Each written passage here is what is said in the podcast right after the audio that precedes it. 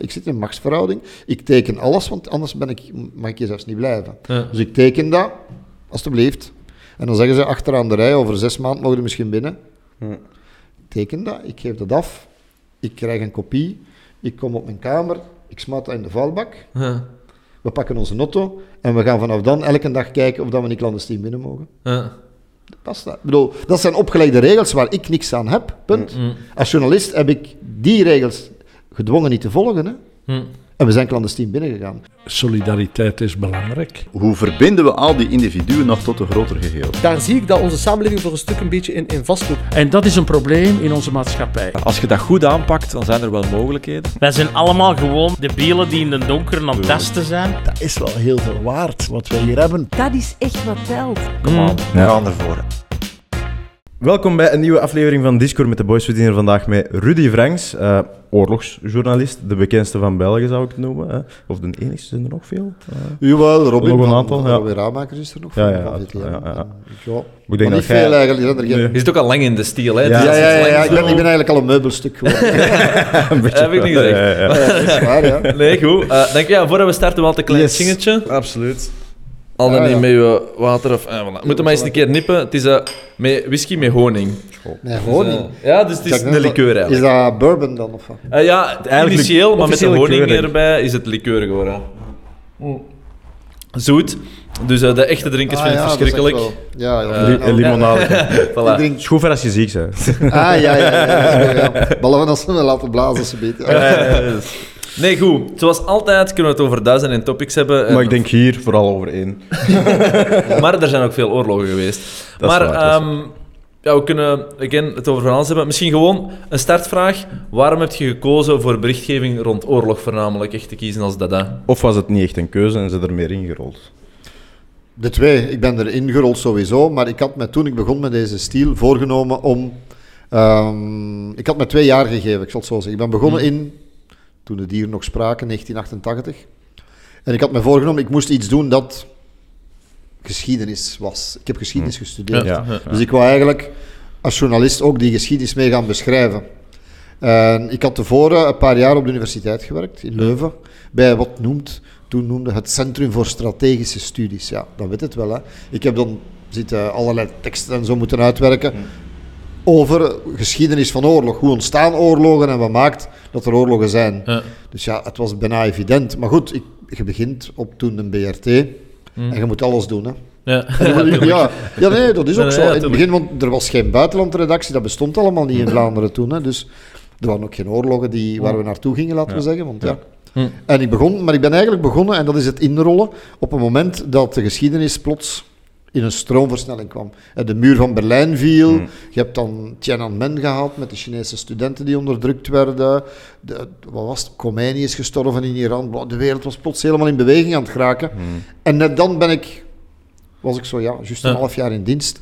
En ik mocht, omdat het ook de feestdagen waren, kerstmis 89, zochten ze nog iemand na het feest in Berlijn, het feest in Praag enzovoort, van de val van de muur, zochten ze iemand om naar Roemenië te gaan. Maar ze dachten, het wordt ook een feest. Ja. Alleen, ik was toen een van de jongste, de jongste misschien, de tweede jongste, in dienst.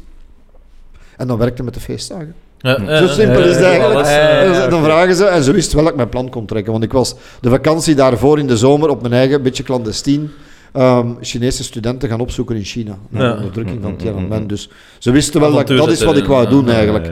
Ehm, misschien wil die snaak wel gaan, hè. Ja, Ja, Ik ben gegaan. oké. oké. En de rest is history. Want Ja. je komt in een oorlog en vanaf dan, en het jaar erop begon de, de Golfoorlog tegen, in Irak. Hm. Ja, en dat was helemaal in mijn, eh, in mijn snoepwinkel. Dus. Ja, Hm. oké. En zo die, die eerste keer hè, dat je weet van, oké, ik ga hier wel naar een, eh, een spanningsgebied, en dat dan een beetje, beetje schrik ook? Of hoe was die, die ervaring? Ik had toen geen Proces schrik. vooraan. Ik Ja. had toen geen schrik. Ik besefte gewoon niet wat er gebeurde. Ja. Ja. Want we wisten ook niet dat het oorlog ging worden. En je komt Ja. aan de grens met Roemenië. We waren met, ik was mee, denk ik, met een, een hulpmissie van Artsen zonder Grenzen. Die wou een keer gaan kijken hoe dat... Want Roemenië had de reputatie dat er verschrikkelijk was. Hè. De mensen... allee, Ja. Armoede, kou. Ehm, het was mid- pittige winter. Je komt aan die grens... En toen bleek dat er aan de andere kant gevochten en geschoten werd.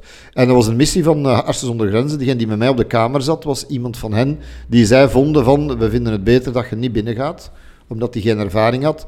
En toen besefte ik, wow, ik ben aan de grens meegegaan, ehm, alleen. Met die van Artsen zonder Grenzen zijn de Karpaten ingereden, denk ik, met een konvooi naar het noorden. En ik stond daar. En ik heb gelift. Dat was Hm. helemaal absurd. Ik dacht van, ja. ik wil hier binnen. En ik ben gelift naar, want ik wou daar gaan waar de oorlog begonnen was, in Timisoara, die stad waar de opstand begonnen was. En ik ben meegepakt door twee Franse fotografen. Ik, ik, ik zie dat beeld nog voor mij. Ik dacht van, ah, ziet dat er zo uit, een oorlogsfotograaf. Dus Ja. twee Franse fotografen, die namen mij mee. En tot ginder, en voilà. Ja. En zo is dat gegaan.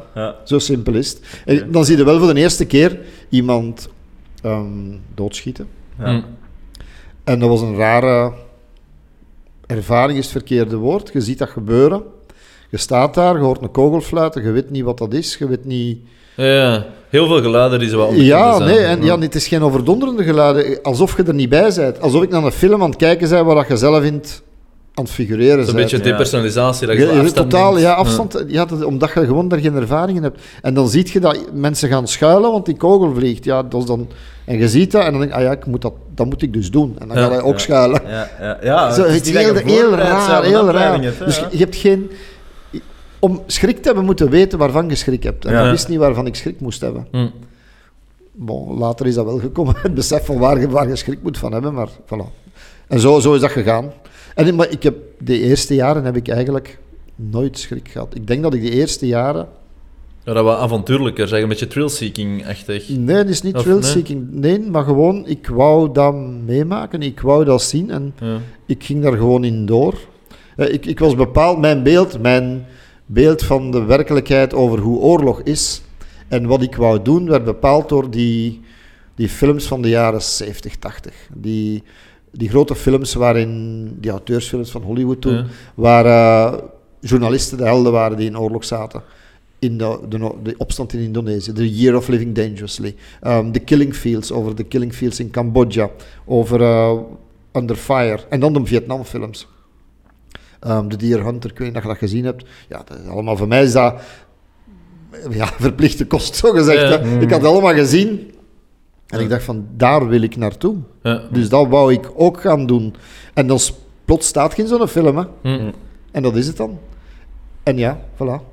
Ja, oké. Nee, cool. En als je dat één keer doet, dan blijft het dat. Later heb ik dat soms mij beklaagd, omdat je dan eigenlijk bijna verplicht bent, tot twintig jaar later of zo, hè, om... eh, ja, je, wordt, je moet dat blijven doen. Mijn, Ja. slogan was dan, ja, als je ene keer in je leven GR in Dallas gespeeld hebt, ja, dan is dat de rol van de rest van je leven. Ja, dat is zo. Als je soms heel goed bent in iets of in iets specifiek uitblinkt of zo, dan ben je altijd bij uitstek de persoon die die rol zou moeten vervullen. Ja, ik vond het ook wel heel fijn om te doen, maar ik bedoel, je, je kon nog moeilijk veel anders gaan doen dan dat. Ik heb heel veel moeite gedaan om te gaan diversifiëren in documentaires met human interest en zo, Mm. dat je dat er ook bij kunt pakken. Maar de kern bleef altijd conflict en Ja. mensen in conflict. Totdat iemand mij duidelijk maakte, een regisseur waar ik nu al heel lang mee samenwerk, van, zij blij, zij blij. Je hebt hier op de VRT en in, in de media honderden mensen rondlopen die, een- die hun hele leven op zoek zijn Ja, naar hun ding. naar hun ding. Ja. Ja.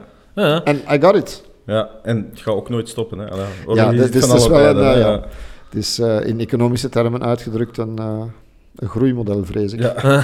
Ja. Ja. Dat heb je me- meer mensen waarschijnlijk en eh, meer conflict. Maar inderdaad, misschien nu na al die jaren dat al gedaan te hebben, zijn er zo eigenlijk, eh, ik weet het niet, maar bepaalde lessen te trekken? Oftewel misschien voor de gewone mens die zich niet bewust is, hè, want België een relatief veilig land op het gebied van oorlog, momenteel toch, en dat zal waarschijnlijk de komende jaren ook nu nog zo wel blijven. Dus dat perspectief, maar ook misschien die we soms moeten meenemen in... eh, eh, de geopolitieke debatten waar, dan- waar we ons dan niet altijd bewust van zijn, van welke ja, specifieke nuances dat er te maken zijn. Om maar te zeggen, oorlog, als je er niet in zit, wordt het vrij snel een abstractie. En er zijn wel mensen die ook natuurlijk zeggen, dat is heel erg en zo, en ik geloof daarin. Maar menselijke empathie kan niet empathie hebben voor 10.000 mensen. Dat wordt een abstract gegeven, dat wordt in zekere mate een, een statistiek. Tot wanneer je natuurlijk in zit, dan creëert je wel meer perspectief. Dus zijn er daar Ja, je hebt daar ehm, verschillende aspecten aan. Hè. Het, ja. het eerste is van, wat dat gezegd is waar. Oorlog is iets abstract. Vandaar dat wat ik doe, of wat ik geleerd heb al heel snel, je moet de empathie moeten creëren door in het verhaal en in het hoofd van ene mens te komen, Ja. of in een paar mensen, waardoor het heel tastbaar wordt voor u. Hè. Vandaar ook die opvoering die we nu doen met die, dat theater, dat heet Kleine Helden, omdat je op zoek gaat naar, en ik kom daar bijvoorbeeld, spreken we over een paar meisjes in Afghanistan die, die verplicht zijn om te trouwen. Ja. Dus dat, daaruit blijkt wat het lot van vrouwen is, kinder. Of een, een moeder van, die haar kind verloren is in de oorlog in eh, Israël met de Palestijnen. En aan twee kanten, dan denk je van oké, daardoor, door die bril en door die emotie, krijg je contact. Ja. Leg de contact ook voor ons. Dat vind ik, ik ben eigenlijk maar een soort van medium, zoals je dat zou moeten noemen. Een soort van Ja. doorgeefluik om te proberen dat over te brengen. Dat is één ding. Maar wat ik vind, wat het geostrategisch inzicht, ja, ik heb ooit in het Centrum voor Strategische Studies gewerkt en ik lees al die boeken nog, dus ik vind dat fascinerend, want mensen denken het gaat over het journaal en het ontploft iets en je staat daar. In mijn hoofd gaat het over veel meer. Ik wil de geschiedenis begrijpen. Hè. En die oorlog in Oekraïne heeft wel, en in zekere zin ook wat nu met Hamas gebeurt, verwacht het onverwachte. Hè. Hm. Als er een belangrijke les is voor nu, is verwacht het onverwachte. Hè. Wie had gedacht dat Rusland een Europees land zou binnenvallen aan de grens van de Europese Unie? En dat nu plots iedereen de defensie gaat versterken, dat alle, overal ministers en, en stafcheffen beginnen te zeggen van we moeten, we moeten, meer, investe- we moeten meer tanks kopen, we moeten meer munitiefabrieken bouwen, we moeten, zelfs die van Engeland zegt zelfs, we moeten misschien wel de dienstplicht gaan invoeren. Dan denk ik van, wow. Allee, verwacht het onverwachte, hè. Hm. Dat is een belangrijke les. En we zijn dat misschien een beetje kwijtgespeeld. Terwijl dat voor mij Eh, je bedoelt dat een, niet zo onverwacht is. van ik- veiligheid en voorspelbaarheid. Dat we daar Ja. allemaal een beetje in die waas leefden of in... Ja, Ja. ja. maar ook niemand dacht dat die een oorlog zou gebeuren. Nu hoor ik, lees ik twee, drie analyses over dat misschien die van Noord-Korea zou... Daar gaan een oorlog beginnen tegen Zuid-Korea, of god beter Japan. Dan denk ik van, wat? Hadden wij ons dat kunnen inbeelden? En tot een jaar geleden zou ik gezegd hebben, oh kom, ga, ga Ja. spelen. Hè. Je zegt goed, weer zo een die... Leuk als entertainmentstuk. Maar Nee. In de huidige tijd durf ik over niks nog iets zeggen. Hm. Aangezien dit is een periode van de wereld waarin alles aan het veranderen is. Bipolair, Koude Oorlog, de muur valt, unipolair. In Hm. plaats van Sovjet-Unie, Amerika, is alleen nog Amerika. En dan nu zijn we 20 jaar, 30 jaar later, nog zelfs iets meer. In één keer is van unipolair is het multipolair aan het worden. En niks zo instabiel als verschillende Ja. machten die zich aan het zetten zijn. Die groeien, die meer invloed willen. Denk aan China, denk aan India, denk aan Ja, de, eh, de opkomst, BRIC-landen, dat is... En allemaal wil zijn eigen ding doen. En wat krijg je dan als de regels niet meer gelden? Want dat is, we leven in een tijd waarin de regels niet meer gelden. De grote ontregeling van de wereld eigenlijk. En welke regels gelden niet meer? Of- Internationaal recht, bedoel, vandaar dat die rechtspraak nu over het, het, ehm het Door de. Verschuiving van machten, zijn, Ja. economisch, militair. Als Rusland ja. zegt van wij kunnen Oekraïne binnenvallen omdat wij vinden dat dat van ons is, dat stuk... Pech gehad. Ja, het Westen zegt, oeh, dat mag niet. Maar Israël kan dat doen met de bezette gebieden van de Palestijnen. Dan wordt het al een beetje anders. Dan spreken ze over dubbele moraal en het is niet Ja. overal hetzelfde. Azerbeidzjan heeft dat gedaan met Nagorno-Karabakh in Armenië vorig jaar. Geen haan die er naar kraaide voor de rest. Als, als China zegt dat ze dat met Taiwan willen doen.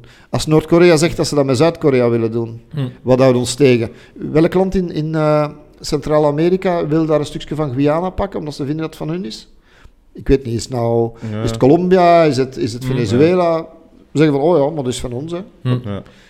No rules. Als er geen regels meer zijn in een wereld die volop in verandering is van machten die groter worden, ah, machtsverschuivingen, heel instabiel. En ik ben historicus, dan ga ik terugkijken naar het Ja. verleden. Dan denk ik, diezelfde periode hebben we gehad, denk ik, voor een periode voor de Eerste Wereldoorlog. Eind Ja. 19e eeuw, begin 20e eeuw. Dat hebben we ook gehad, en daar heeft Henry Kissinger in de tijd zijn, zijn doctoraat over gemaakt. Hè. De tijd voor, in het begin van de 19e eeuw, voor het congres van Berlijn.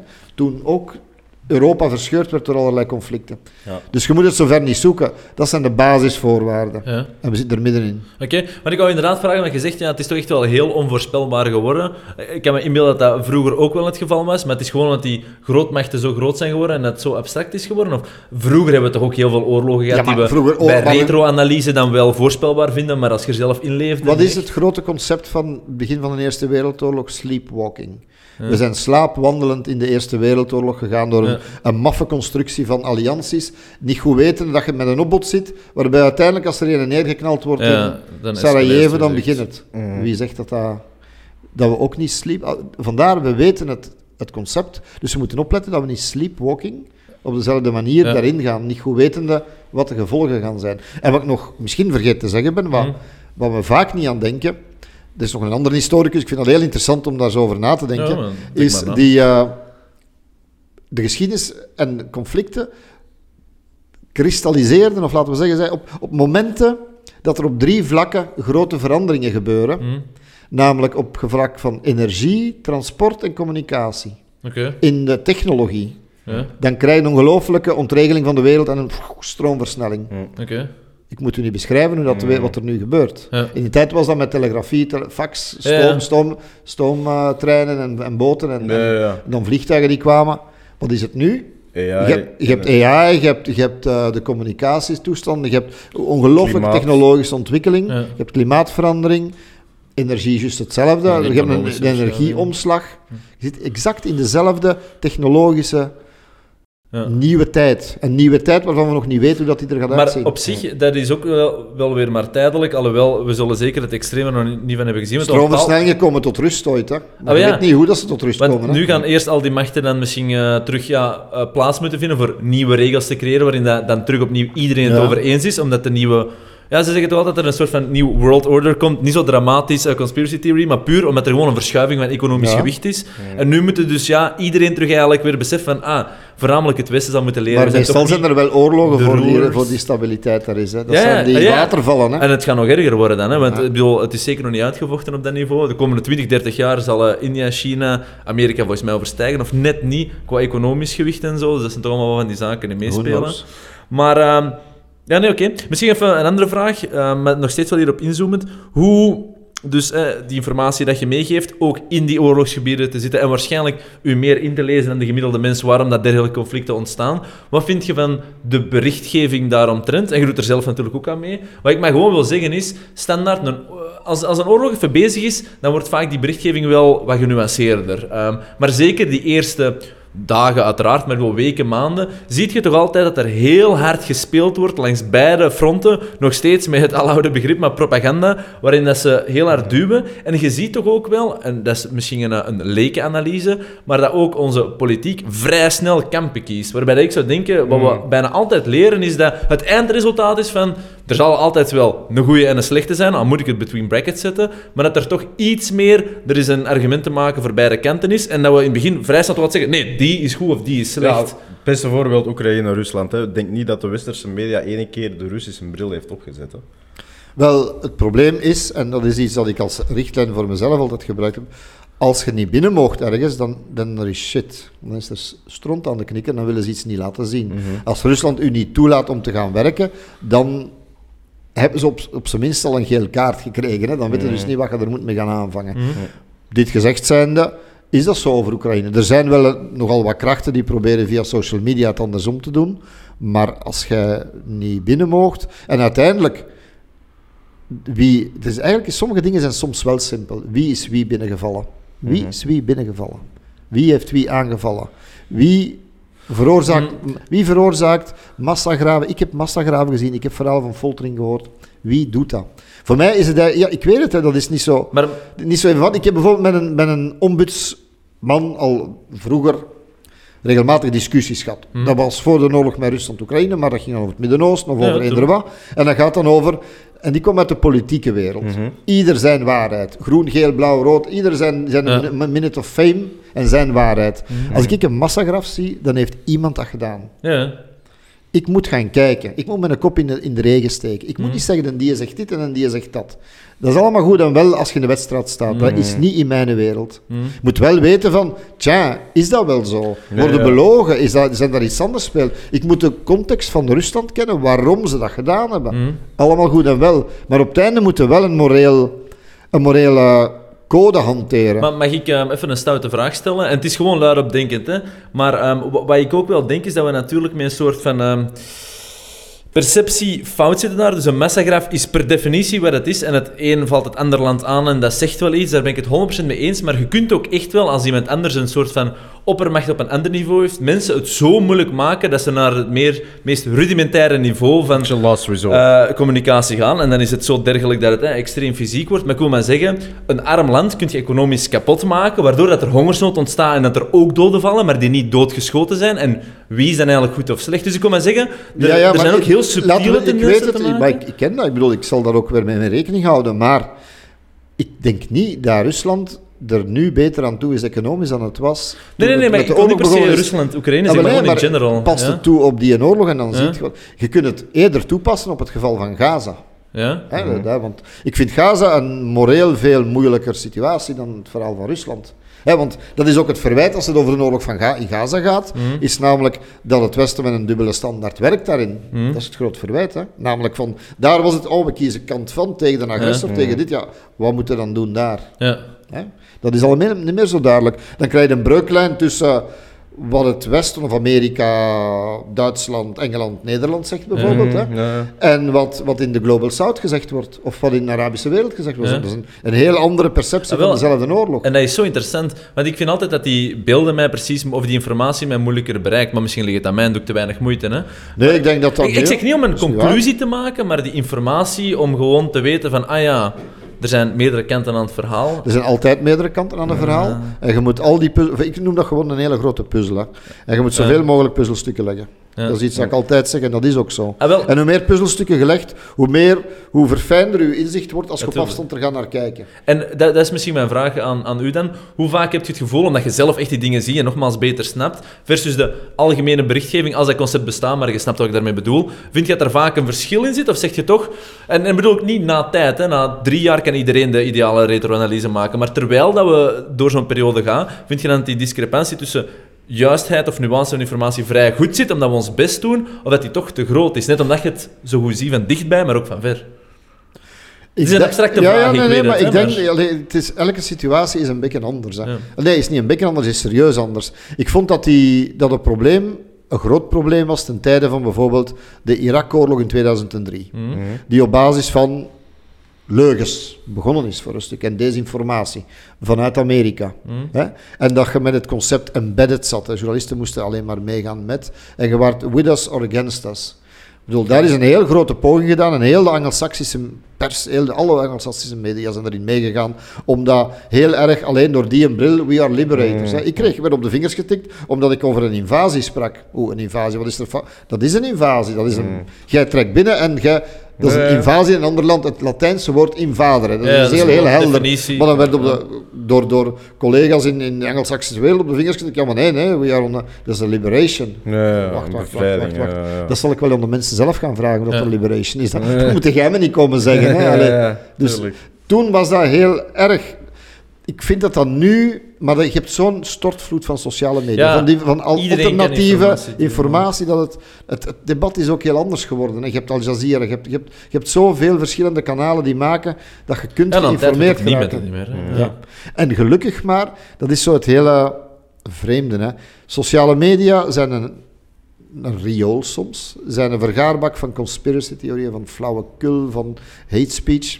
Maar tegelijkertijd, wat die burgerjournalisten uit noodzaak en wat die, al die collega's die vastzitten in Gaza, die Palestijnen doen en brengen, is een onmisbare stuk van de puzzel, van die Mhm. hele puzzel, Ja, ja. om dat beeld te Dat je geven Je veel ook meer nooit, informatie omdat je door, dat ook hè. krijgt. Ja, hè. voilà. En dan zie je wel iets waar we heel alert moeten op zijn, is wat doen de grote, wat, doet, eh, wat is daar, eh, Meta, eh, van, Ja. eh, van, Ja. Ja, van van Zuckerberg met Facebook, ja. Wat doet. Musk met zijn Twitter? Ja. Wordt daar eigenlijk op die algoritmes gespeeld dat we bij God niet doorhebben?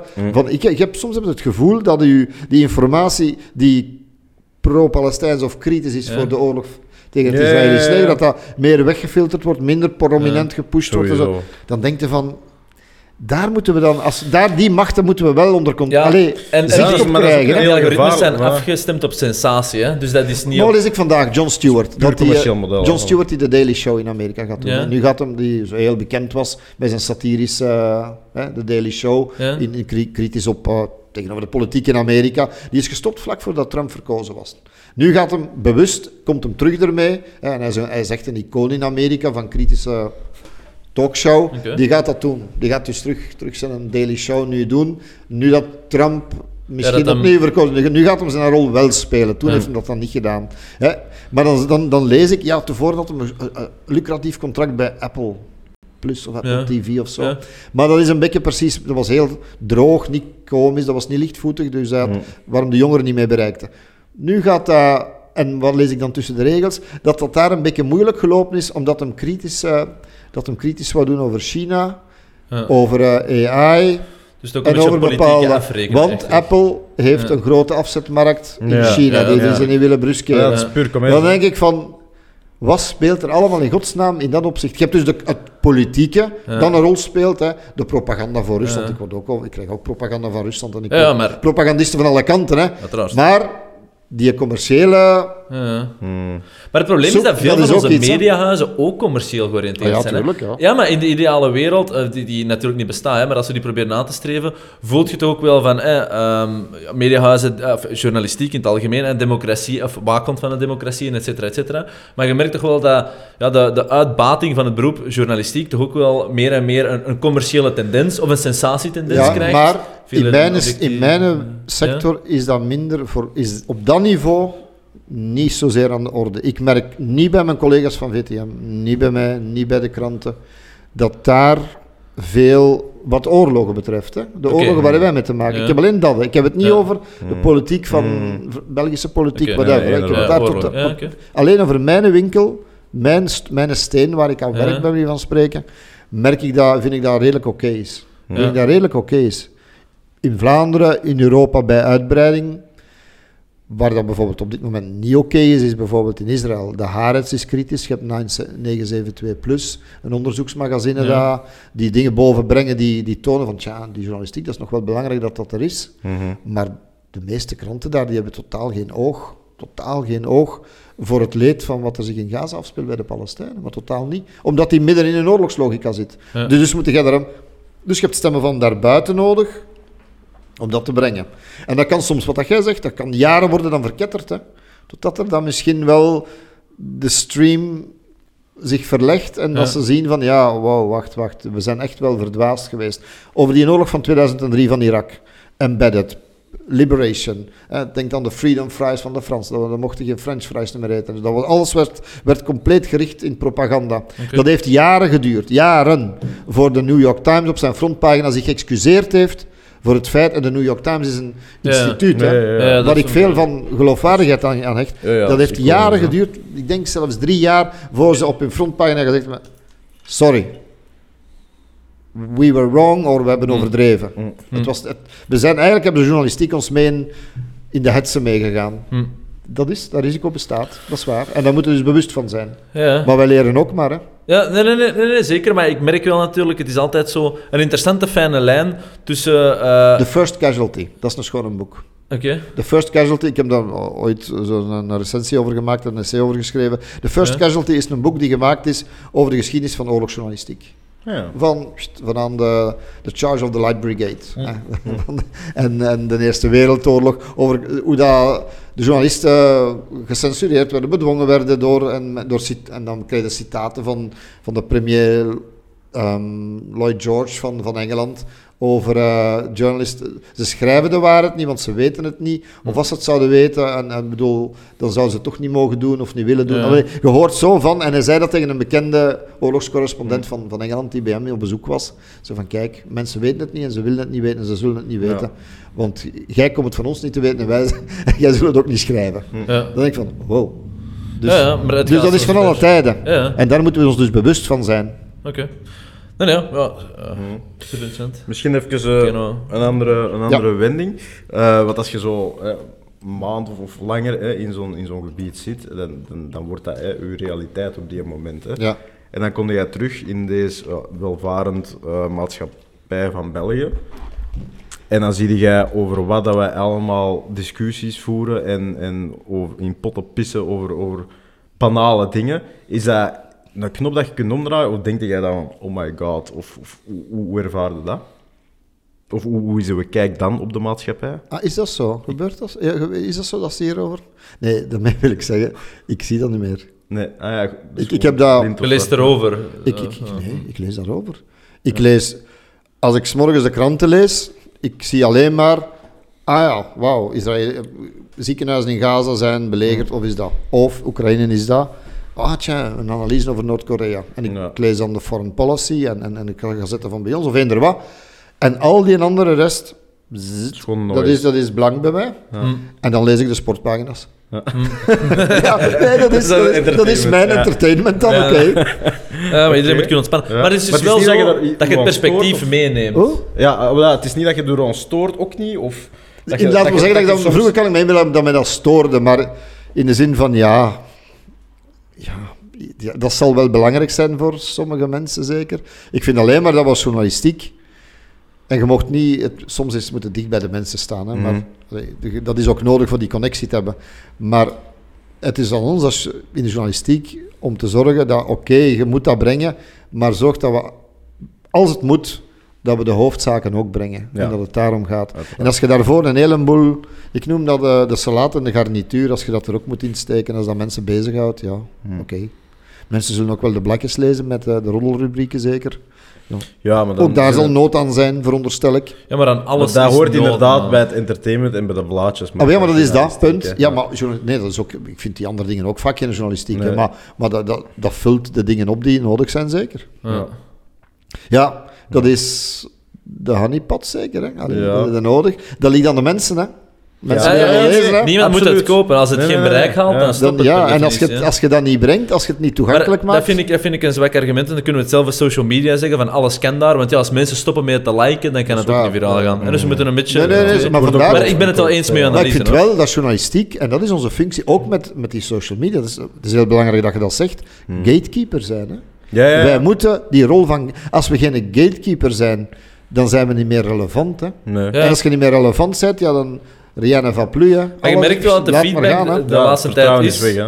Ja, de, de gatekeeper is super relevant, want je moet het rechter kunnen zijn van eh, wat, wat heeft eh, nog informatieve waarde en een bepaalde objectiviteit, wat niet. Maar je merkt dat er ook meer en meer kritiek komt, maar nu niet om het over de media te hebben, kost misschien terug naar de oorlog gaan, maar ehm, hij heeft niet echt naar de oorlog, maar figuurlijk dan.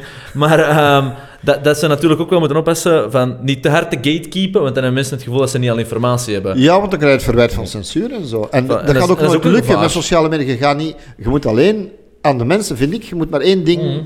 Wij hebben met, ik, ik heb zo'n sociale media en ik heb een paar mensen waar ik dat mee doe, met, bij Mhm. mij op de redactie. Die, en dat gaat niet over doorgaans. Af en toe geef je zo iets kleins, dat je een pizza aan het eten hier of zo, ergens in, in de oorlog. Maar het gaat eigenlijk quasi altijd over informatie. Niet over al die andere dingen. Over, tja, de genocide-rechtspraak, dat, dat is een uitspraak niet. Bon, dat is belangrijk dat we dat brengen, hè, die, die zaak in Den Haag. Dus daarover gaat het. En dat brengen we. En wij houden ons niet bezig met al die andere dingen. Mm. En dat is nodig dat mensen weten, tja, ik ga niet be- beletten dat de rest, want je kunt dat toch niet tegenhouden. Je kunt die riool niet afsluiten, dat gaat niet. Dus je moet alleen zorgen wie dat wil, die informatie wil, op een transparante manier. Mhm. Oké, wij zullen het proberen. Als ik fouten maak, zullen we het ook zeggen. Dat is het enige wat je kunt brengen. Nee, nee, en maar- ik hoop dan maar Dat er voldoende mensen dat de moeite vinden. Ja. En dat ze daarin meegaan. Dat is het enige dat je kunt doen. Maar ik denk dat op termijn dat extreem belangrijk is. Want mensen gaan meer en meer ook beseffen dat, ja, dat, dat, dat er eigenlijk wel behoefte is aan dit soort vorm van transparante betrouwbaarheid. Eens. Wat het ook mogen zijn. Eens. Weet je, je, zit, je moet onze tijd nu vergelijken in een exponentiële, ik weet niet wat, maal zoveel, met toen dat eh, de boekdrukkunst is uitgevonden. Hè? Ja, ja, ja. Dat is het is hetzelfde. Hè? Dat is die Ja, de technologische revolutie. Hè? communicatiemiddelen die evolueren hè, tot, eh, tot een extreme, dat is zo. En dus wij moeten onze plaats daarin zoeken. En ik denk dat iedereen in de media zoeken, dat is bij ons ook. En hoe kunnen de, de jongeren bereiken? Hè? Moeten dan TikTok-filmpjes maken, moeten dit doen, moeten dat doen. Dus ik sla niks af, want de redactie van Jongs die zit naast ons. Hmm. Ik weet niet hoe dat eh, ooit iemand dat in zijn grote brein gekregen heeft, want eigenlijk is dat fantastisch, dat de jongere redactie naast onze oorlogsredactie zit. Ja, informele En eh, als er een- toen dat de oorlog in Oekraïne begon, dan kwamen zij af van nog nooit zoveel reacties van kinderen gehad die schrik hebben.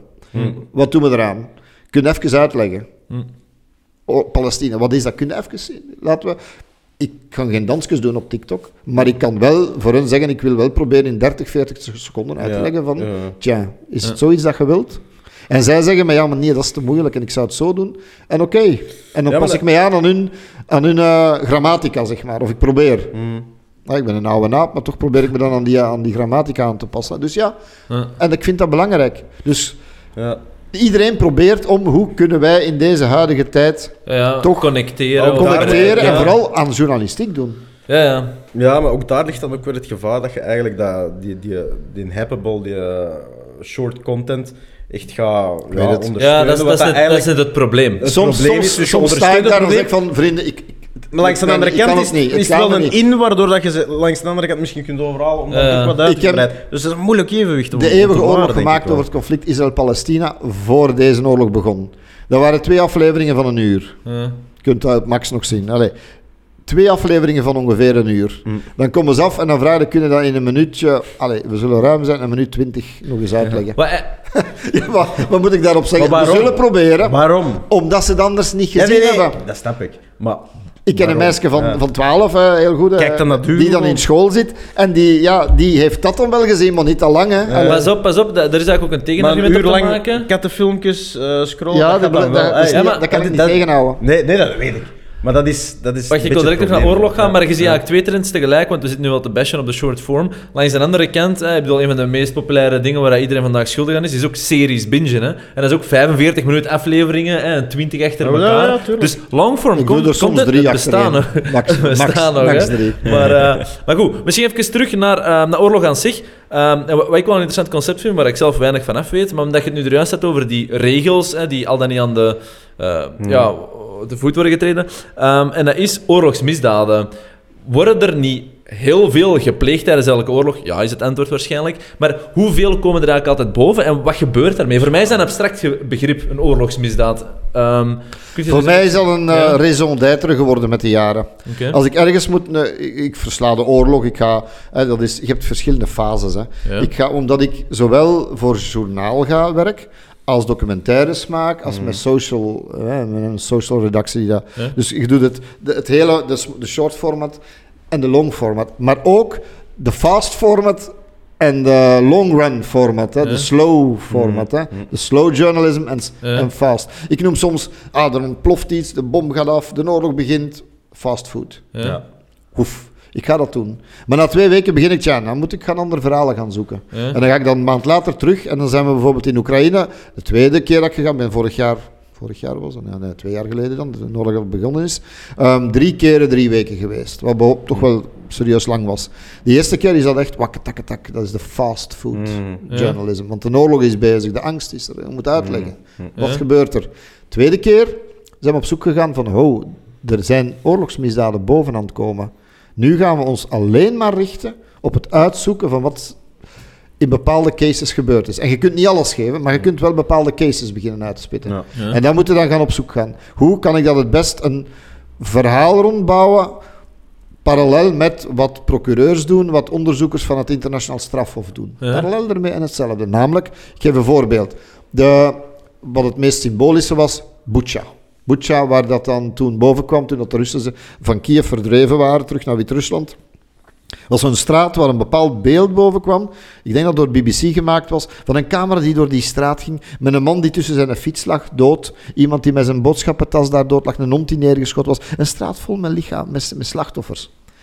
Ik ga opzoeken. Dat is een vorm van, van hoe, wat ik, hoe ik dan te werk ga. Welke straat was dat? Jablonska-straat. De Appelboomstraat in Bucha. Google Maps. Kom maar naar daar. Hè. Je gaat kijken. Dat is leeg natuurlijk. Want de Russen zeggen, die lichamen zijn vermoord door de Oekraïners. Alles is altijd twee kanten. Ja, Maar je ja, zegt, ja, ja, uiteraard. Oh, maar is dat zo? Kan ik één bewijzen vinden? Materiaal van toen?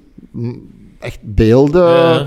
de graven, de lichamen, de Ja. getuigenissen. Puut, Kan ik dat allemaal vinden. En zo gaat het dan een week lang te werk. Daar hebben we een week lang aan gewerkt. Zo, je gaat heel die straat af. Je vindt niemand die er nog zit. Of die iets zegt, ja, ik was hier niet toen, ik ben nu teruggekomen om te kijken Ja. wie er nog leeft. Ja, niemand meer. Wat kan ik dan doen? Oké, dan ga ik de eerste dag vruchteloos. Tweede dag, ah, maar de pastoor die zat, die is gebleven. André, de pastoor, André heette die, is gebleven. Je gaat naar de pastoor, die zegt ja, want ik heb met een tractor en een paar van mijn gelovigen alle lichamen van de straten gaan halen. 112 of zoiets lichamen. En hij pakt zijn telefoon En hij toont mij het filmpje van, want hij heeft alles opgenomen. Ja. Kijk, dat is, hier hebben ze op de, op de, op de, de, de oplegger van een, achter een tractor gelegd. En daar achter de kerk hebben ze allemaal in een massagraf gestoken. Bzzzt, bzzzt, dichtgegooid. Want, en ik zeg, waarom? Ja, ik ben dan de Russen gaan vragen. Bewijs, het was onder de Russen gebeurd. Ik ben aan de Russen gaan vragen dat ik ze mocht van straat halen. Want ze lagen daar al drie dagen en de honden begonnen eraan te knauwen. En Ja. en begonnen te rotten. Begon, eh, Ja, maar nee, dat, Ja. is de, eh, dat is de werkelijkheid van oorlog. Ja, Ja. En hij stuurt mij die beelden, dus die heb ik. Ik heb zijn getuigenis. Ik zeg, ja, maar ik heb wel mensen nog die het gezien hebben, die het meegemaakt hebben. Ik vind ze niet. Ze zijn er niet meer. Hm. Maar ga daar eens, op de hoek, die doet nooit open. Maar zeg met mijn complimenten, gaat op de, op de schuttingbonken. Vitali. Vitali doet open en laat mij binnen. Die zat nog altijd in zijn kelder, waar hij tijdens de bezetting van de Russen gezeten heeft, terwijl boven de commandopost was. En hij vertelt wat er zich daar heeft afgespeeld hm. getuige, beeld, het oorspronkelijke materiaal. En dan ga ik naar waar de lichamen onderzocht worden. Want die zijn uit dat massagraf gehaald en worden forensisch onderzocht. Ja. Dan gaat het naar waar het forensisch onderzoek gebeurt, om te kijken van hoe gaat dat in zijn werk. Lichamen die met de handen op de rug gebonden en een schot in het achterhoofd, kunt er geredelijkerwijs van uitgaan dat dat geen natuurlijke dood was Ja, ja. enzovoort. Dus dat is voor mij meer en meer, het, het, fascinerend is het verkeerde woord, maar dat is dan iets sl- meer slow journalism, maar een oorlogsmisdaad helpen reconstrueren. Hetzelfde hebben we gedaan in Irak ten tijde van de Yezidi-meisjes. We hebben een heel documentaire gemaakt om te gaan mensen die al die misdaden van IS tegenover de Yezidi, waar een genocide op gepleegd werd, om dat te kunnen documenteren. Wat we dan draaien, hè, dat geven we mee, hè, die, dat van die Je- Yezidi-misdaden. We hebben dat, want sommigen vroegen dat of dat ze dat ook mochten geven aan eh, Amal Clooney, Madame Clooney van George Clooney, Ja. die een, wereld, een internationaal advocaat is, hè, die vanuit Engeland een rechtszaak tegen genocidemisdaden in verband met die Yezidi aanspant. Wat mij betreft, you can all have it. Alles kunnen ze hebben. Alleen, dat vind ik steeds meer belangrijk. Omdat, en ik weet het, het is een cliché zo groot als een huis en het is een open poort die ik instamp, namelijk, hè, wir haben es nicht gewusst. Nee. Hm. In de huidige tijd is dat, als ik iets doe, is het dat. Ja. En dat is waar ik mijn energie uithaal om dat te doen. Wir haben es nicht gewusst, dat klopt niet. Ja. Dat mag niet. Not on my watch. Oké. En ehm, ja, dan zullen we wel... eh, ja, nee, dat, leuk om te horen. En misschien opvolg... En ik ga veel misdaden niet zien, hè, maar ik moet kiezen. Hè. Die heb ik dan gedaan. Maar ik bedoel, je bent ook een eh, one-man army op dat niveau, hè. Ehm, eh, of toch eh, beperkt. Maar misschien opvolgvraag daar. En wat is, nogmaals, omdat het voor mij wat meer een abstractie is, ehm, het gevolg daarvan? Want in die end, wat is nu het gevolg voor Rusland die een aantal oorlogsmisdaden heeft gepleegd? Praktisch, los van bijvoorbeeld een financiële sanctie en weer een aantal moeilijkere import-exportregels, wordt het daar ook niet een ver- abstractie? Ja, ik verwacht niet dat Poetin, en ik weet dat, ik verwacht niet dat Poetin voor Den Haag zal verschijnen. Hmm. Of de generaal die eronder zit, hè, of, of de, de, vice, de Medvedev die dan al de meest grote flauwekul zegt. Maar, af en, ja, maar het moet geweten zijn, het moet Nee, nee, nee, gedocumenteerd maar zijn. de- Ja, nee, dat is 100% waar. eens, En, hè. Eh, gaat er ik ben het geen helemaal eens met analyse. Maar wat er nu in Den Haag gebeurt, Ja. dat gaat misschien wel een beetje impact hebben. Hè. Ze, gaan nu waarschijnlijk beslissen, of het is beslist denk ik, dat ehm, Is- Israël moet er alles aan doen om te beletten dat, die gen- dat er een genocide zou plaatsvinden. Ja. Ze gaan, de uitspraak over is het er een of niet, dat is pas over jaren. Dat zal no say, nee, geen gevolgen. Maar nu kan het wel zijn van tja, want dat wil zeggen dat alle ehm, partijen die dat verdrag ondertekend hebben, en we hebben er ook een, podcast over gemaakt die deze week uitkwam, Oké. Ah, maar ja, dus eh, al diegenen die dat ondertekend hebben, zoals België dat verdrag mede gemaakt hebben, dat zijn verplicht om dat mee te volgen. Dat wil zeggen geen wapens meer leveren. Oh ja, dus voilà, dan stopt de dat steun heeft, en zo. ja, Heeft praktische steun niet, gevolgen maar dan, dan, laten we zeggen dat dan de, het vergrootglas erop gericht is. Ja, en, voilà. en van de wereld is dat wel belangrijk. Ik denk dat het ook psychologisch wel belangrijk is voor een land als, wat laten we wel wezen, het genocideverdrag is opgericht omwille van wat aan de Joden is aangedaan met de Mhm. holocaust. Hè. Dus allee, ik kan mij inbeelden dat dat toch wel heel gevoelig ligt. Dus in dat opzicht is dat toch wel niet zonder, niet zonder belang om dat te doen. Nee, hè. nee, maar en ik spreek me niet uit over de grond, want dat is, dat is iets aan, voor rechters om te doen. Hè. Maar het feit Ja. dat het onderzocht wordt, dat, het, dat er aandacht voor is, maakt iets. En het belang daarvan is, als daar niks gebeurt, als dat niet onderzocht wordt en als daar carte blanche gegeven wordt, Ja. dan is wat dan komen in de wereld waar we het er straks over hadden, rien ne va plus. Nee, nee, nee, er zijn maar- er geen regels meer. Nee, nee, we zijn het helemaal eens. Hè. En dat is het voordeel hoe, met hoe meer dat maar we... gaat, gaat of Poetin of wie dan ook voor de rechtbank verschijnen? Dat denk ik niet. Nee, nee, nee. Ja, het is dan vaak binnen uw alliantiegroep dat je het eigenlijk moet hebben. En hoe breder de alliantie, hoe meer de En we weten ook dat de meesten in Den Haag veroordeeld zijn, zijn waarschijnlijk zwarte dik- ah, dictators uit Afrika die, die van de macht verdreven zijn geweest en opgepakt. Hè. Ja. Ja, nee, ja, ja, ik vind altijd zo'n interessant concept. Ja, De Nuremberg was ook tegen de nazi's, hè. dat was ook niet tegen anderen. Hè. Ja, ja. ja want, maar Ja, oorlogsmisdaden... die macht hebben, de- Ja, ja, dat is, dat is hè. Ja, tuurlijk. Ja. Ja, ik vind altijd zo'n interessant begrip eigenlijk ook. eh, Dat, dat is zo praktisch omgaan met de afgrijzelijke realiteit. Want dan zeg je in definitie, eh, per definitie, oorlog kan binnen bepaalde scenario's. En dat hebben we ook letterlijk zelfs vastliggen in de wet. Ja. Maar er zijn nog steeds dingen die niet kunnen. En dat is, zo, dat is grappig, want als je dat Heel rationeel zijn op heel bekijkt, rationeel momenten. Is het eigenlijk allemaal een misdaad, zou je kunnen stellen. maar de wereld stellen, is ja. praktischer dan dat. Die is niet zo utopisch en er is nu helemaal een realiteit. Maar je hebt ook recht op verdediging. Je hebt recht Ah, ja, om je te verzetten tegen bezetting. Hè. Dat is Ja. ook een hele moeilijke. Dat is een kei complexe wet, want iedereen Ja, probeert ja. elkaar uit te lokken om die wet te kunnen ja, ja. inroepen. Dus, eh, dus ja, dat is... eh, En Israël vindt dat ze zich verdedigen tegen terreur. Dus ja, Mm. Ja, ja. En daarom dat je straks zei, want het is de eerste die aanvalt of eh, binnenvalt, ja, maar soms zijn er nuances te maken. ja, ja, ja dat is waar. die- Ja. Die zaken. Zo'n wapenstilstand. Vandaar dat je dat begrip, begrip disproportioneel hebt, hè, van wat en welke regels Mm. Ja. moeten volgen. Het oorlogsrecht of het humanitair recht zijn Mm. allemaal vast, vastliggende regels. Hè, wat dat je moet doen, wat je niet moet doen. Hè. Ja, ja. Mm. Eh, zien we eigenlijk eh, vandaag de dag opnieuw een vraag zo. Het hele concept, hè, mensenrechten, wordt ook heel vaak benut. Daar volgens mij ook heel vaak aan de voet getreden. Opnieuw, in dergelijke situaties. Ziet je dan bijvoorbeeld dat al die verdragen opnieuw een praktische impact hebben? Of wordt dat ook een abstractie? Zeker tijdens het... Want dat is vaak een achteraf-principe. Mm. Of- Dat is iets heel abstract. Ja. Plukken we eigenlijk veel vruchten van wat dat er allemaal is georganiseerd na de eh, wereldoorlogen. Ja, is, dat, is dat nu veel van, van toepassing nog? Of is het eigenlijk ondertussen al Ja, maar dat zover is de- geëvolueerd dat we eigenlijk opnieuw zouden... Dat is een bewijs, dat noemen we bij ons in, in moderne wiskunde vroeger een bewijs uit het ongerijmde, zeker? Ja. ik bedoel, wat, beeld je een wereld in waarin dat die verdragen er niet zouden geweest zijn. Ja. Ja, Ik En denk, dat, dat weten we dus niet, hè? ook waar. Ja. Het is nu al zo erg, hè? Ik denk dat we zijn zo civilized zijn geworden, omdat we dat proberen na te streven. Maar in tijden van conflict wordt dat waarschijnlijk gewoon eh, weggegooid, als ja. papier bekeken opnieuw. Papier de toiletten. ja. En toch, toch af en toe komt het dan boven dat het niet kan. Allee, en dan, dan merk je van, oei, nu zijn er een, is er een grens overschreden en dan, dan wordt er, eh, is er internationale reactie, is er emotionele reactie. Of En dat is goed. En dat is, ja, die, Of die is reactie... goede emotionele reactie? Jawel, dat is wel Ja? goed, omdat dat eigenlijk die verontwaardiging dan voedt. Om te zeggen van, "Ay, dit, dit kon nu echt wel niet, Mhm. hè, zeggen ze dan. En als die regels er niet waren geweest, dan had die, die verontwaardiging geen grond om op te staan. Maar is verontwaardiging ook niet, heeft hij geen bepaalde subjectiviteit? Tuurlijk, dat is altijd subjectief. Anders, verontwaardiging is een emotie. Elke emotie is subjectief. Oh, Ja, ja, maar ik Tuurlijk. ja, ja, ja. Nee, maar ik, Ja, maar ik, ik kan ermee leven. ja. Voilà. Oké, fair antwoord. Want ik heb niks anders. Eh, wat wil je daarmee zeggen? Dat, je bedoel, ik kan mij alleen maar daarop baseren dan. Ik bedoel, je hebt een moreel kader, je hebt een Mhm. eh, set of rules.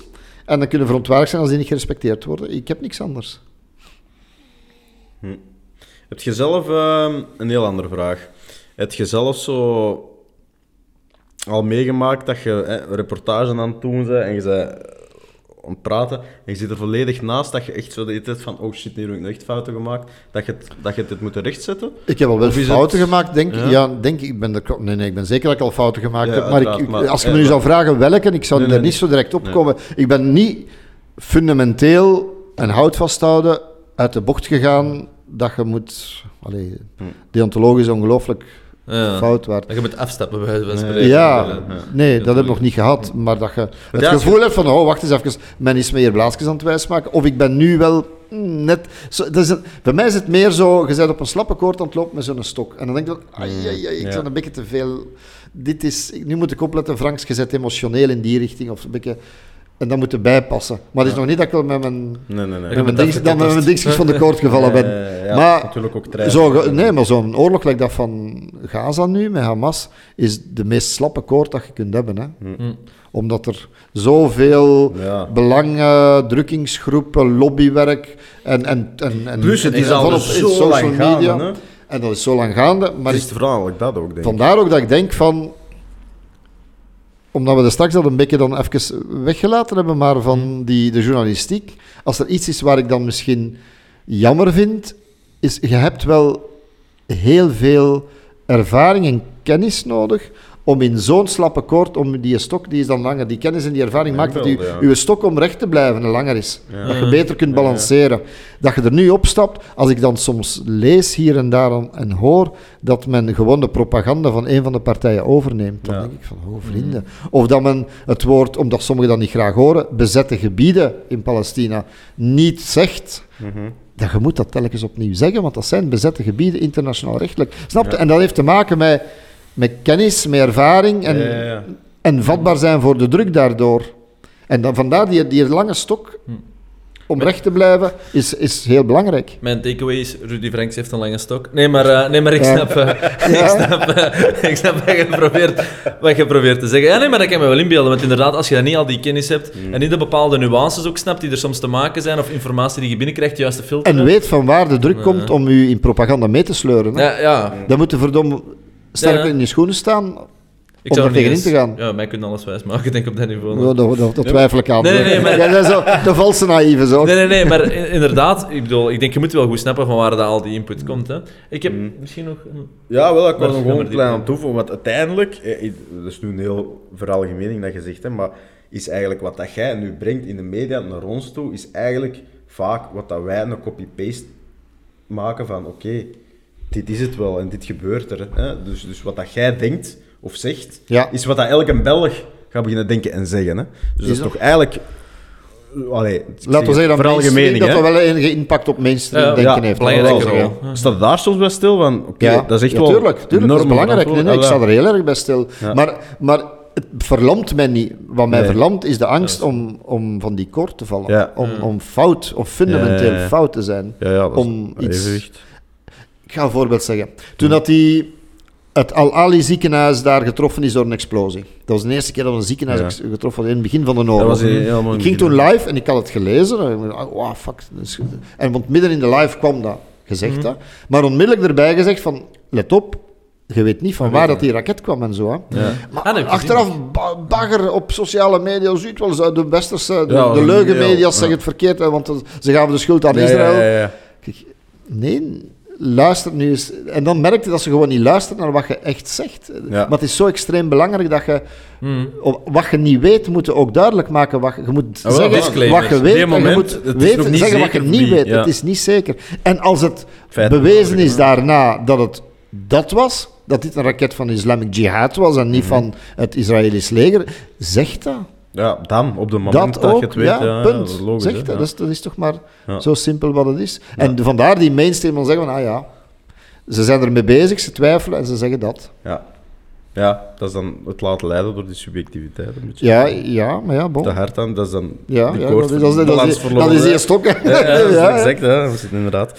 Nee, zeg maar. Ja, het is, Eh, het is weer een beetje misschien wegleiden dan, maar het is ook een iets meer sensationele vraag, maar toch wel serieuze vraag. Ja, bent je zelf ooit geconfronteerd geweest, of heb je ooit heel dicht bij eh, collega's gestaan, omdat we het juist over journalistiek en eh, in zekere mate ja, in complexe gebieden, van ontvoering, of effectief dat ze, eh, ja, journalisten, ja, dat je toch effectief gevaar hebt gelopen, of een soort van gijzeling, of je merkt dat hier en daar toch wel, en soms zijn er heel extreme beelden naar voren gekomen, dus eh, heb je daar ooit een mee- keer of ik heb dus eh, on, on- een Negen? uitgehaald, negen à tien keren geweten dat ik had kunnen dood zijn. Eén. Ja. Ik heb een paar keren meegemaakt dat er iemand gedood is in mijn buurt. Ah, ja.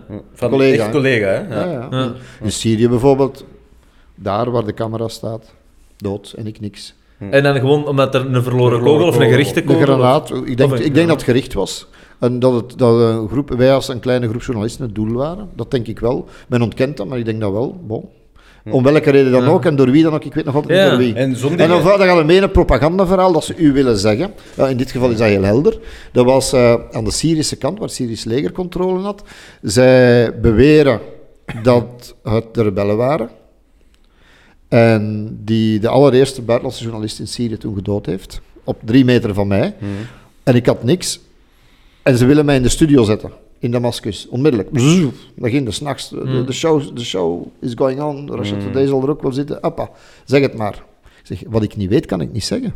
Wat ik niet weet, kan ik niet zeggen. Dat is puur een, een uitgangspunt. Ik kan alleen maar zeggen van dat en dat en dat. Is, dat zijn omstandigheden. Maar wat er ook in mee was, wij hadden een escort en ons moest zogezegd beschermen. Die waren niet meer te zien. Die waren toevallig daar niet meer net te zien. Dan Ja, denk je van, ja, eng. ik, dat is eng. Dus wat, wat is hier, welk spel speelde mee? Je moet maar, de werkelijkheid is spannender en intrigerender vaak dan die spionagetrillers die je ziet. Hè. Of die, die lijkt er soms wel heel erg op. Dus ja, ik weet dat niet. dat dan niet en ik heb ook niet gezegd nog de een nog de ander. Ik weet het niet. Ja. Bon, sindsdien sta ik wel op de zwarte lijst daar. Hè. Ik mag daar niet meer binnen. Hè. Ja. Een jaar later krijg ik telefoon van iemand verbonden met de overheid Ginder. Ja, een, een jaar nadat, want ze wilden herdenken dat dat Mhm. gebeurd was, de eerste die gedood was.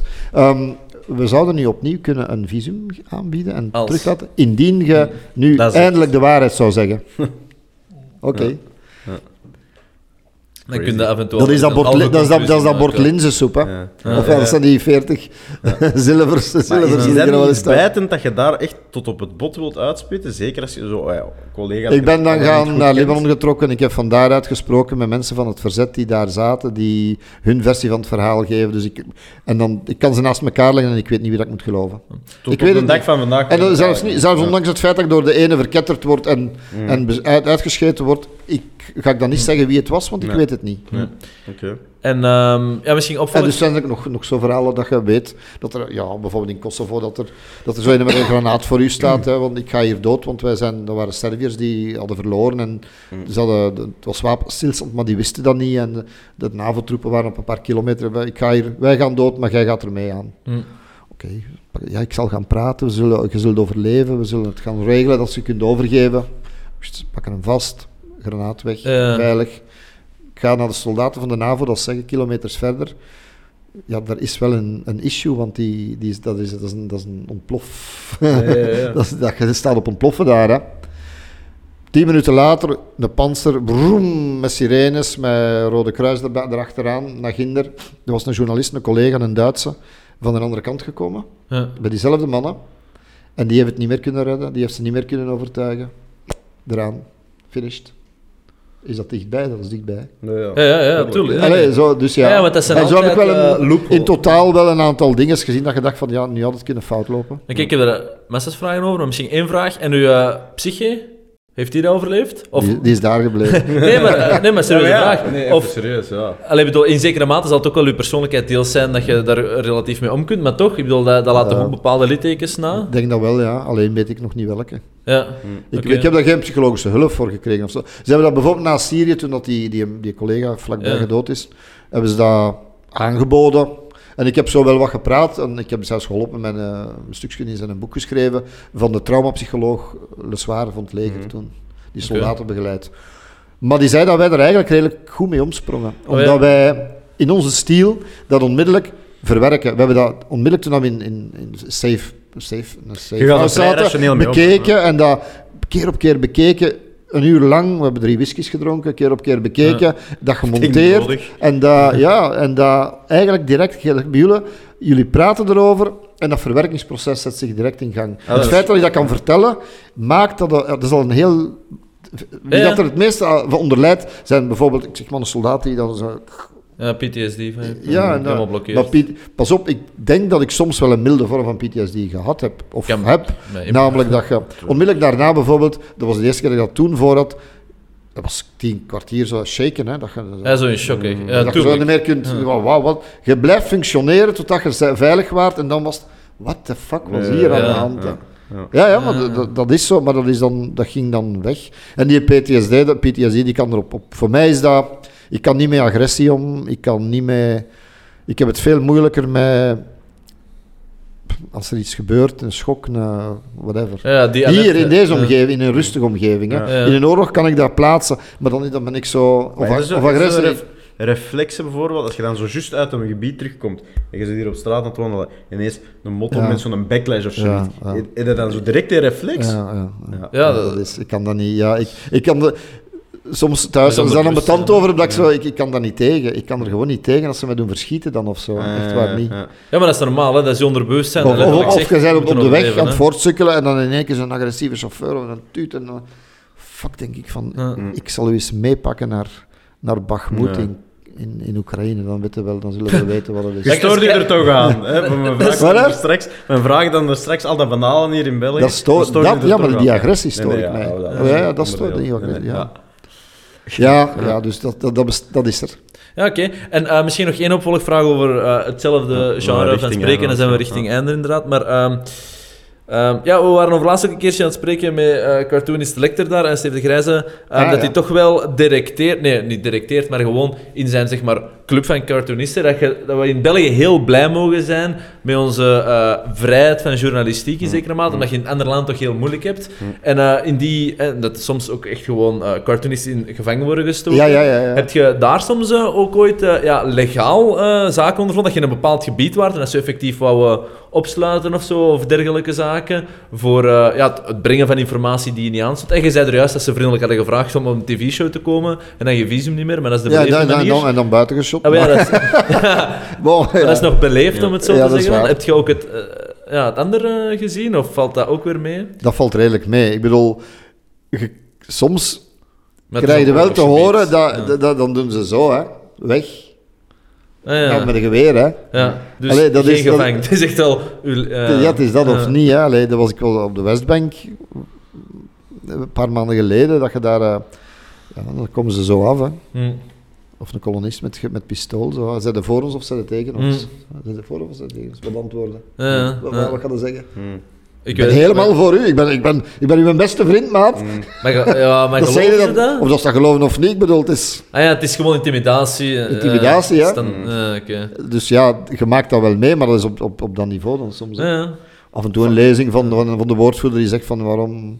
Dan vraag ik bij de... Ik zou graag meegaan naar daar of naar daar, waarom zou ik u meepakken? Ga jij zeggen wat ik, wat ik wil dat je zegt? Hm. En dan testen ze u. En dan denken ze, nee, hij gaat dat niet zeggen. nee, Ja. er niet mee. ja, ja. Oké, ja, nee, ja. Allee, interessant allemaal. Of voor, voor, toen met de Embedded in eh, Irak binnengaan in 2003. Je mocht alleen maar met het... Blijkbaar daar verslaggeving gaan doen over een oorlog in Irak als je je embedded maakte met het Amerikaans leger of het Brits leger. Moest via Kuwait een papier tekenen, dat je- zij bepalen wat je gaat tonen, wat niet. Wat, eigenlijk dat, waarin dat je je journalistieke Ja. ziel... Afgeeft. Ja, Afgeeft. zelfs. Ja. Ja. En dan denk je van, ja, ho, ik zit hier in een machtsverhouding. Hè. Anders Ja. dan vlieg ik hier zelfs misschien Kuwait uit. Dan ga ik, is de kans verkeken. Dus ik denk van, ik teken alles. Want ik zit in een machtsverhouding, dat is, dat is lekker een bezetting. Hè. Ik zit in een machtsverhouding, ik teken alles, want anders ben ik, mag ik hier zelfs niet blijven. Ja. Dus ik teken dat, alstublieft. En dan zeggen ze achteraan de rij, over zes maanden mogen er misschien binnen. Hm. Ik teken dat, ik geef dat af, ik krijg een kopie, ik kom op mijn kamer, ik smaat dat in de vuilbak. We pakken onze notto en we gaan vanaf dan elke dag kijken of dat we niet clandestien binnen mogen. Ja. Dat. Ik bedoel, dat zijn opgelegde regels waar ik niks aan heb. Punt. Hm. Als journalist heb ik die regels gedwongen niet te volgen. Hè? Hm. En we zijn clandestien binnengegaan. En we hebben als, we noemden dat toen unilaterals, met een aantal dat er zo rondtreden daar, onafhankelijk, los van die dat verplicht waren, rondgereden en de hele oorlog gebracht.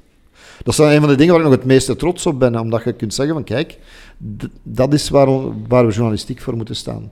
En in dat opzicht werden we dan ook gesteund door Brussel. Hm. Oké. Ze zouden kunnen zeggen, oh nee mannen, dat gaan we niet Ja, doen. Hè. Want, want eh, de ambassadeur van Engeland en de, en, die, eh, en de NAVO zegt van, ja, dan, dan Ja. mag we, we ain't gonna do that. Jawel. Hm. Ik kijk misschien nog één allerlaatste vraag. En dat is, ehm, ja, misschien meer, meer voor mezelf. En ik, ik, ik vind het gewoon zelf een kei complexe vraag, maar misschien dat je mij er iets of van kunt begeleiden. En dat is, hoe ver gaat een conflict, en dan bedoel ik nu even letterlijk, fysiek, geografisch georiënteerd, voordat we moeten stoppen met te caren? Om maar te zeggen, er is op elke moment van de dag een conflict gaande, ja. sowieso. Er is massa's oorlog, en hoe dichterbij, hoe dramatischer dat we het ervaren. Maar ik vind ook weer die twee maten, twee gewichten, dat afhankelijk van het belang dat we soms hebben bij een land, en dat ik nog niet eens door heb dat we daar een belang bij hebben, maar toont toch wel van, ah, dat conflict is precies belangrijker dan dat. Maar ik als individu moet daarom niet per se door andere belangen daar een bepaalde waarde aan hechten. Hoe, hoe moet Jij je moet daarmee om als mens? Om Jij te moet- zeggen, hier ga ik nu om caren, hier niet. Op een bepaald moment moet je zelf ook gewoon door met je leven, om het heel drastisch te zeggen nu. Maar hoe... Live, live the moment. Live the moment, heb ik geleerd. En jij moet niks keren. Jij moet, Nee, nee, nee, ik, kan u niet verplichten om wat dan ook belangrijk te vinden. bedoel, eh, ik ga ervan uit, ik kan alleen maar u voedsel geven voor uw geest. En dan hopen dat je de juiste vorming en opvoeding hebt genoten om, om een beetje in te schatten van wat dat je moet verkeren of niet. Ja, nee, nee, nee. Maar Dat is het enige wat ik kan doen, maar het is niet aan mij om u dat te zeggen. Ja. Dus, maar eh, los daarvan, live the moment. Allee, ik bedoel, dat heb ik ook moeten leren. Hè. Ik kon dat niet vroeger. als je in de wereld dat ik doe en het leven dat ik geleid heb, waarin je veel opgeeft, veel verliest, veel, veel, ja, veel Ja. verliest, is dat live the moment and enjoy the moment. Hm. Het moment dat wij hier die, dat uur zitten op te nemen, ben ik helemaal hier. Ja. En subiet moet ik in de auto spurten naar ergens anders, omdat, we, een spurten, optre- op, omdat we op een, op, op een optreden staan en dan ga ik dat helemaal genieten, wat ik daar zit. Ja. Hm. Het is het enige houvast dat ik heb. Ja, nee, is, nee. is, is dat gevoel versterkt of heb je dat echt is versterkt. moeten dingen door? Ik heb dat moeten leren, ja. Maar is dat ook niet, no offense hier, hè, om eh, u niet op eh, het bar te zetten, maar is het ook niet omdat je ouder wordt? Eh, de- Misschien niet, dat weet ik niet, want ik ben- Veel mensen die ouder worden, leren dat net Ah, wel, ik ben nog maar één keer... Jongens, dat is veel Het is, mijn, het is mijn, eer- mijn eerste bewust leven. Misschien zijn er al meerdere geweest, maar het is mijn eerste bewust. Dus ik kan het niet vergelijken. dus ik weet het niet. Is dat ouder worden? Het zou kunnen. Het is Maar, eh, een, klein, een klein deel van de bevolking dat een, eh, een bijna doodservaring heeft. Jij hebt er negen gehad. Ik denk, dat, ik, denk, ik denk dat dat wel bijdraagt naar living the Ja, moment. waarschijnlijk. Waarschijnlijk wel, ja. Dus ja. als ze mij... Ik ga bijvoorbeeld... Ja, ik ben in Italië vaak. Hè, ik heb daar een, een huis. Ik ga daar... Ik, I enjoy the moment met mensen die eigenlijk wel weten wat ik doe. En Mhm. die vragen mij gewoon van waar kom je? Ik zeg, ah, ah, is het Oekraïne of is het van dat? Ah, van daar, school. Oké. En die trekken een heel goede fles wijn open. Ja, En that's my moment. ja maar dat, Voilà. eh, dat En meer moet dat niet zijn. Ja, ja. Mooie afsluiter. Ja, goeie. ik heb op zich nog wel wat vragen, maar bon, we zitten hier met een bepaalde Ja, tijdsnood, dus ik zal het maar laten. ja. Ik ben Ehm, nooit goed in afsluiten. Rudy, Ja. dikke merci. Ja. Het was super interessant. Nee, ik vond het ook plezant. Het is eh, eigenlijk. leuk om eh, de wel, ja. insight ook eens zo eh, Ja. eh, te horen. Dus, Ja, eh, ik bedoel, jij stelt vragen en ik, ik, ik maar raak. Hè. Ja, wij zijn dus, eh, journalisten en jij zet... eh, En, eh, en van horen zeggen moeten we binnen anderhalf jaar nog eens opnieuw uitnodigen ehm, en nog betere vragen stellen. Ja. Ah, ja, ja, want ik moet in principe eh, moet ik, eh, stoppen eind van het jaar. Ja. Dan ben ik 65. Het is toch heel raar dat je plots al die ervaring die je over oorlog hebt, dat dat dan, ja, moet, dan, moet ik dat dan afzetten. Ik, ik weet niet, ik ben aan het twijfelen, moet ik nou gaan leren bloemschikken of iets anders doen? Nee, maar, ik ken, nee, maar dat- het antwoord is heel simpel. Je gaat daar waarschijnlijk niet mee stoppen. Nee. Op de een of andere manier ga je waarschijnlijk een Altijd andere manier blijven. vinden om diezelfde passie door te funnelen. Want er zijn dat, ja. mensen en die stoppen op hun 40 mee werken. Zij het niet fysiek, dan is het mentaal om het zo te zeggen. En er zijn mensen die letterlijk tot de laatste adem blijven doorwerken omdat ze nooit hebben gewerkt. En dat gaat niet over niet veel moeite hebben gedaan of keihard hebben opgegeven. Maar het gaat eerder, is werk een soort van plicht of is het eerder een soort van ik mag dit moeten doen, om het zo te zeggen. Ja, voor mij is het een, een Eh. privilege om dat te kunnen Voilà, doen. Dat is voilà, mijn passie geweest van in het begin eigenlijk. Dus, ja. Dus, eh, dus ja. je gaat er niet mee stoppen. Nee, de vraag is alleen, Ja, alleen in welke vorm ga ik dat doen? Hè? Ja. Ja. Dat is het. hè. Fervent twitteraar worden. Oh. Opiniemaker. Ja, oh. In alle talkshows gaan zitten. Ja, nee, nee, nee. Mag je Goed. begonnen, hè, voilà. Veel succes met de theatershow en eh, misschien later. Ja,